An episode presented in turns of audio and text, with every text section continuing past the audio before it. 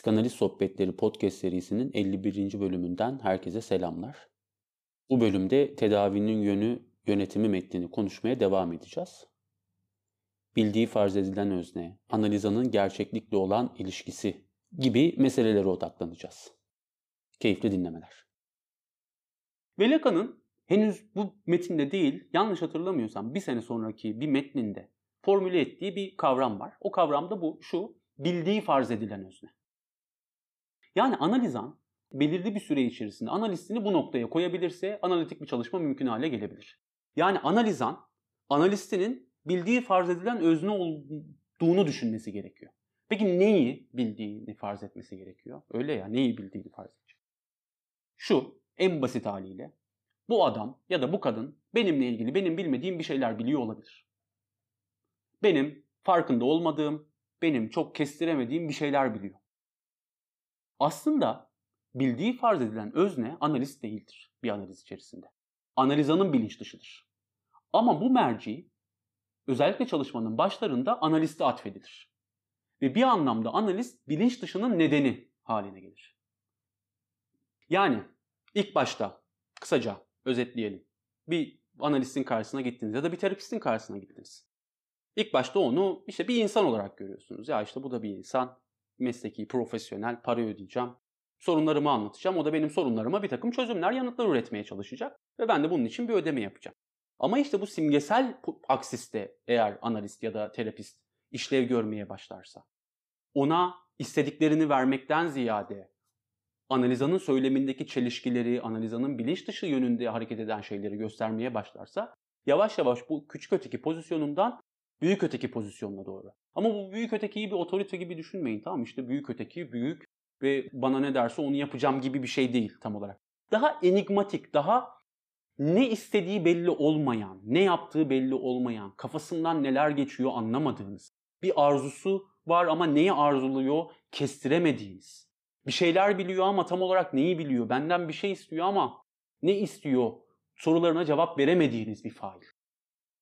Dolayısıyla sonuç Aktarım imgeseli değil, simgeseli hedef almalı. Ve analistin yerleşmesi gereken eksen simgesel eksen. Analizin politikasına geldik şimdi. Analizin politikası ise analistin en sınırlı olduğu alan. Lacan şöyle diyor. Analistin yönünü varlığına göre değil, varlıktaki eksiğine göre saptaması gereklidir. Analistin yönünü, çalışma içerisindeki tedavinin yönü ya metnin adı da. Tedavinin yönü ve yönetimi analistin yönünü varlığına göre değil, varlıktaki eksiğine göre saptaması gereklidir. Yani analist bir anlamda varlığını, seans içerisinde varlığını askıya almalı ve Lacan'ın ilerleyen yıllarda formüle edeceği başka bir şeye göre bu varlıktaki eksikten köken alan bir şeye göre. Yani analistin arzusuna göre hareket etmeli. Ne demek analistin arzusu? Şimdi analist bir insan dedik günün sonunda değil mi? Ama aslında analiz odası içerisinde analist bir insan olmaktan en uzak noktaya konumlanabildiği ölçüde analist. Dolayısıyla analistlik bir işlev. Ve analistin arzusu da bir işlevi yerine getirmesi gereken bir arzu. Ne bu arzu? En basit haliyle şu. Analistin arzusu analistin analizi devam ettirmeye yönelik arzusu. Bilinç dışının, semptomun deşifre edilmesine yönelik arzusu. Arzunun ortaya çıkmasına, ketlenmelerin ortaya çıkmasına ve ortadan kaldırılmasına yönelik ilerlettiği bir arzu. Yani analistin kendi kişiliğiyle, analistin kendi varlığıyla, analistin kendi öznelliğiyle, kendi ön yargılarıyla alakalı bir şey kesinlikle değil. Çünkü bir analist başka bir şey arzular hayatta, öbür analist başka bir şey arzular. İşte bunların mümkün olduğunca dışarıda bırakılıp analistin arzusunun bu çalışmayı sürdürmekte kristalize olması gerekiyor. Karşınıza gelen kişi size çok gel- saçma gelen, çok yanlış gelen, politik olarak inanılmaz absürt, cringe gelen şeyler anlatıyor olabilir. Oluyor da bu arada, olacak da. Deneyimleyenler bilir. Deneyimlemeyenler de görür ileride. Şimdi buna seansın dışında şey diyebilirsiniz. Ya ne anlatıyorsun sen? Hadi. Ben böyle bir insan değilim. Bana bunları anlatma. Ama seansın içerisinde işler öyle yürümüyor. Tabii ki ilk seansa birisi geldi. Çok rahatsız edici bir tiptir çalışmak istemeyebilirsiniz. Bu arada şey diye de düşünmeyin olur mu? Her gelen kişiyle çalışmak zorundayım. Bizim analistin arzusu bu anlama gelir. Böyle bir idealizasyon da yapmayın. Ama çalışmayı kabul ettiğiniz, makul ölçülerde semptomu size bir semptom getiren, bir taleple gelen ve çalışmaya angaja olma ihtimali taşıyan bir kişi bir süre sonra ya da ilk seansa size hiç katılmadığınız, alakasız, saçma size saçma sapan gelen bir şey, dışarıda duysanız tepki vereceğiniz bir şey söyleyebilir. Ama bu orada sizi ilgilendirmemesi gerekiyor. Bu onunla ilgili, sizinle ilgili değil. Orası onun alanı. Bir diğer önemli noktada Lacan'ın söylediği şey şu. Lacan bu metinde yine aktarımın yorumlanmasını da eleştiriyor. Şimdi yine bazı post-Freudian ekollerde aktarım yorumlanıyor. Siz şu anda beni babanız yerine koydunuz, siz şu anda bana değil babanıza kızgınsınız gibi yorumlar yapılıyor. Lacan diyor ki böyle bir yorum yapmak mümkün değil analiz içerisinde. Çünkü diyor sanki analizanın sizi çalışmanın içerisinde, aktarım içerisinde koyduğu bir konum var. Bir de ayrıca siz varsınız gibi bir noktaya çıkıyor. Öyle bir şey yok diyor. Bir analistin çalışmanın içerisinde aktarımın dışında hiçbir konumu yoktur.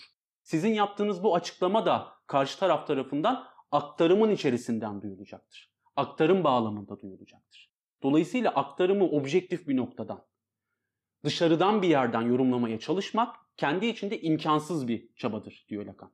Bunu yapıyor olsanız bile aktarım içerisinde bunu yaptığınızı anlatmanız lazım. Çünkü anlatmanız lazım değil, pardon, anlamanız lazım. Bunu göze alarak bu yorumu veriyor olmanız lazım. Çünkü şöyle bir konum yok. Şimdi aktarımdan çıkıyorum. Beni bir şey gibi düşünmeyin, analistiniz gibi düşünmeyin. Şu an ben sizi yorumluyorum. İşte siz aslında şu anda beni az önce babanız yerine koydunuz, anneniz yerine koydunuz, şunları yaptınız, bunları yaptınız. Bunun hiçbir manası yok. Ama bu aktarımı yorumlamamak gerektiği anlamına geliyor mu? Gelmiyor tabii ki. Size annesiyle ilgili, babasıyla ilgili atıfta bulunduğu bir şeyler olduğunda tabii ki bir şey, bir yorumda, bir müdahalede bulunmak gerekiyor. Ama bu ona bir açıklama verme düzeyinde, siz az önce bunu bunu yaptınız beni, bana böyle bir aktarım yaptınız düzeyinde olmaması gerekiyor. Dolayısıyla analist için aktarımın ötesinde ya da aktarımın dışında bir konum yoktur. O dış gerçekliğin bir temsilcisi gibi görülmemelidir. Bu yüzden ego psikologlarının iddia ettiği gibi hastanın gerçeklikle olan ilişkisini onarmak, tamir etmek gibi bir sonuç mümkün değildir. Çünkü gerçeklik de kendi içinde kurgusal bir boyut taşır. Soru şu kimin gerçekliği?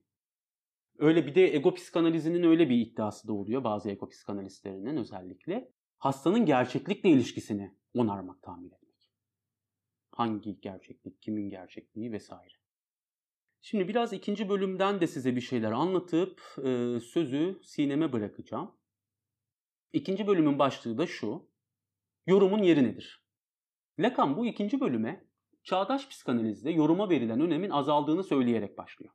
Yorumdan ziyade açıklamalar, kapsama, içerme, tutma tarzı kavramların öne çıktığını söylüyor.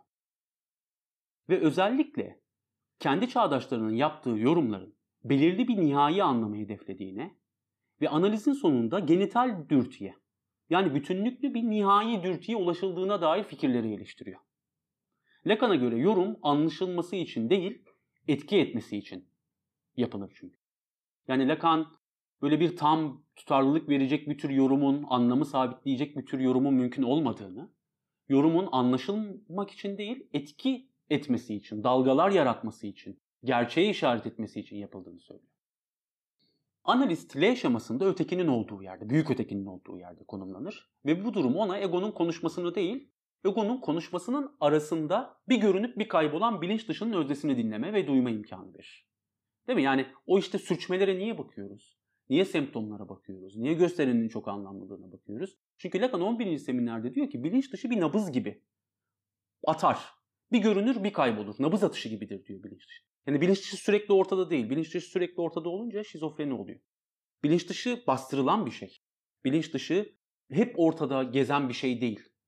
Dolayısıyla göründüğü anda müdahale etmesi ve yorumun orayı hedeflemesi gerekiyor. Ve analist bilinç dışının ortaya çıktığı bu anları yakalamalıdır.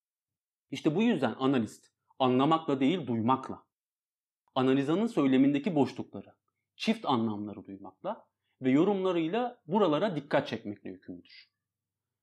Bu noktada size gösteren ve gösterilen kavramlarından bahsedecektim ama bahsetmeyeceğim çünkü biraz uzadı. Bunları artık başka bir zaman ileride umarım konuşma fırsatı buluruz.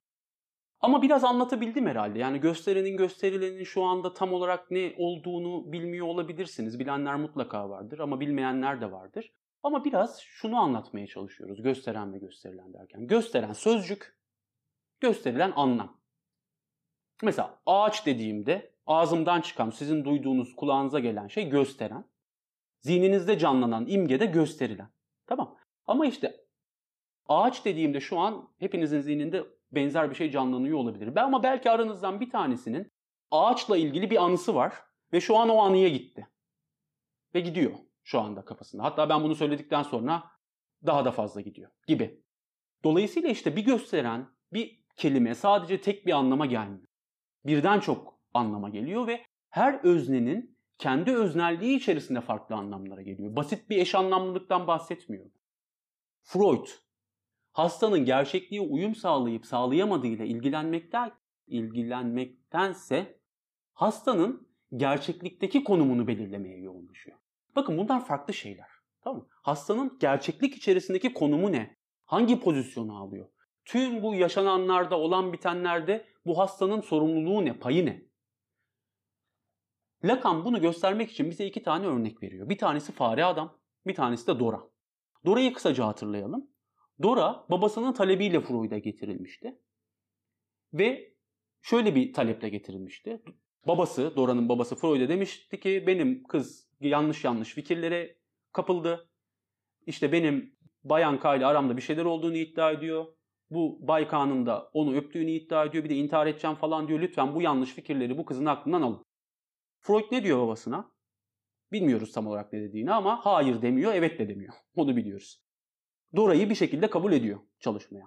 Ama çalışmaya kabul ettikten sonra gerçekten neler olup bittiğiyle hiç ilgilenmiyor Freud. Freud'un bir bazen ilgileniyor işte. Zaten çalışmanın sekteye uğramasının sebeplerinden bir tanesi de o. Ama yine de tüm bunlara rağmen Freud çok doğru bir hattı da yakalıyor.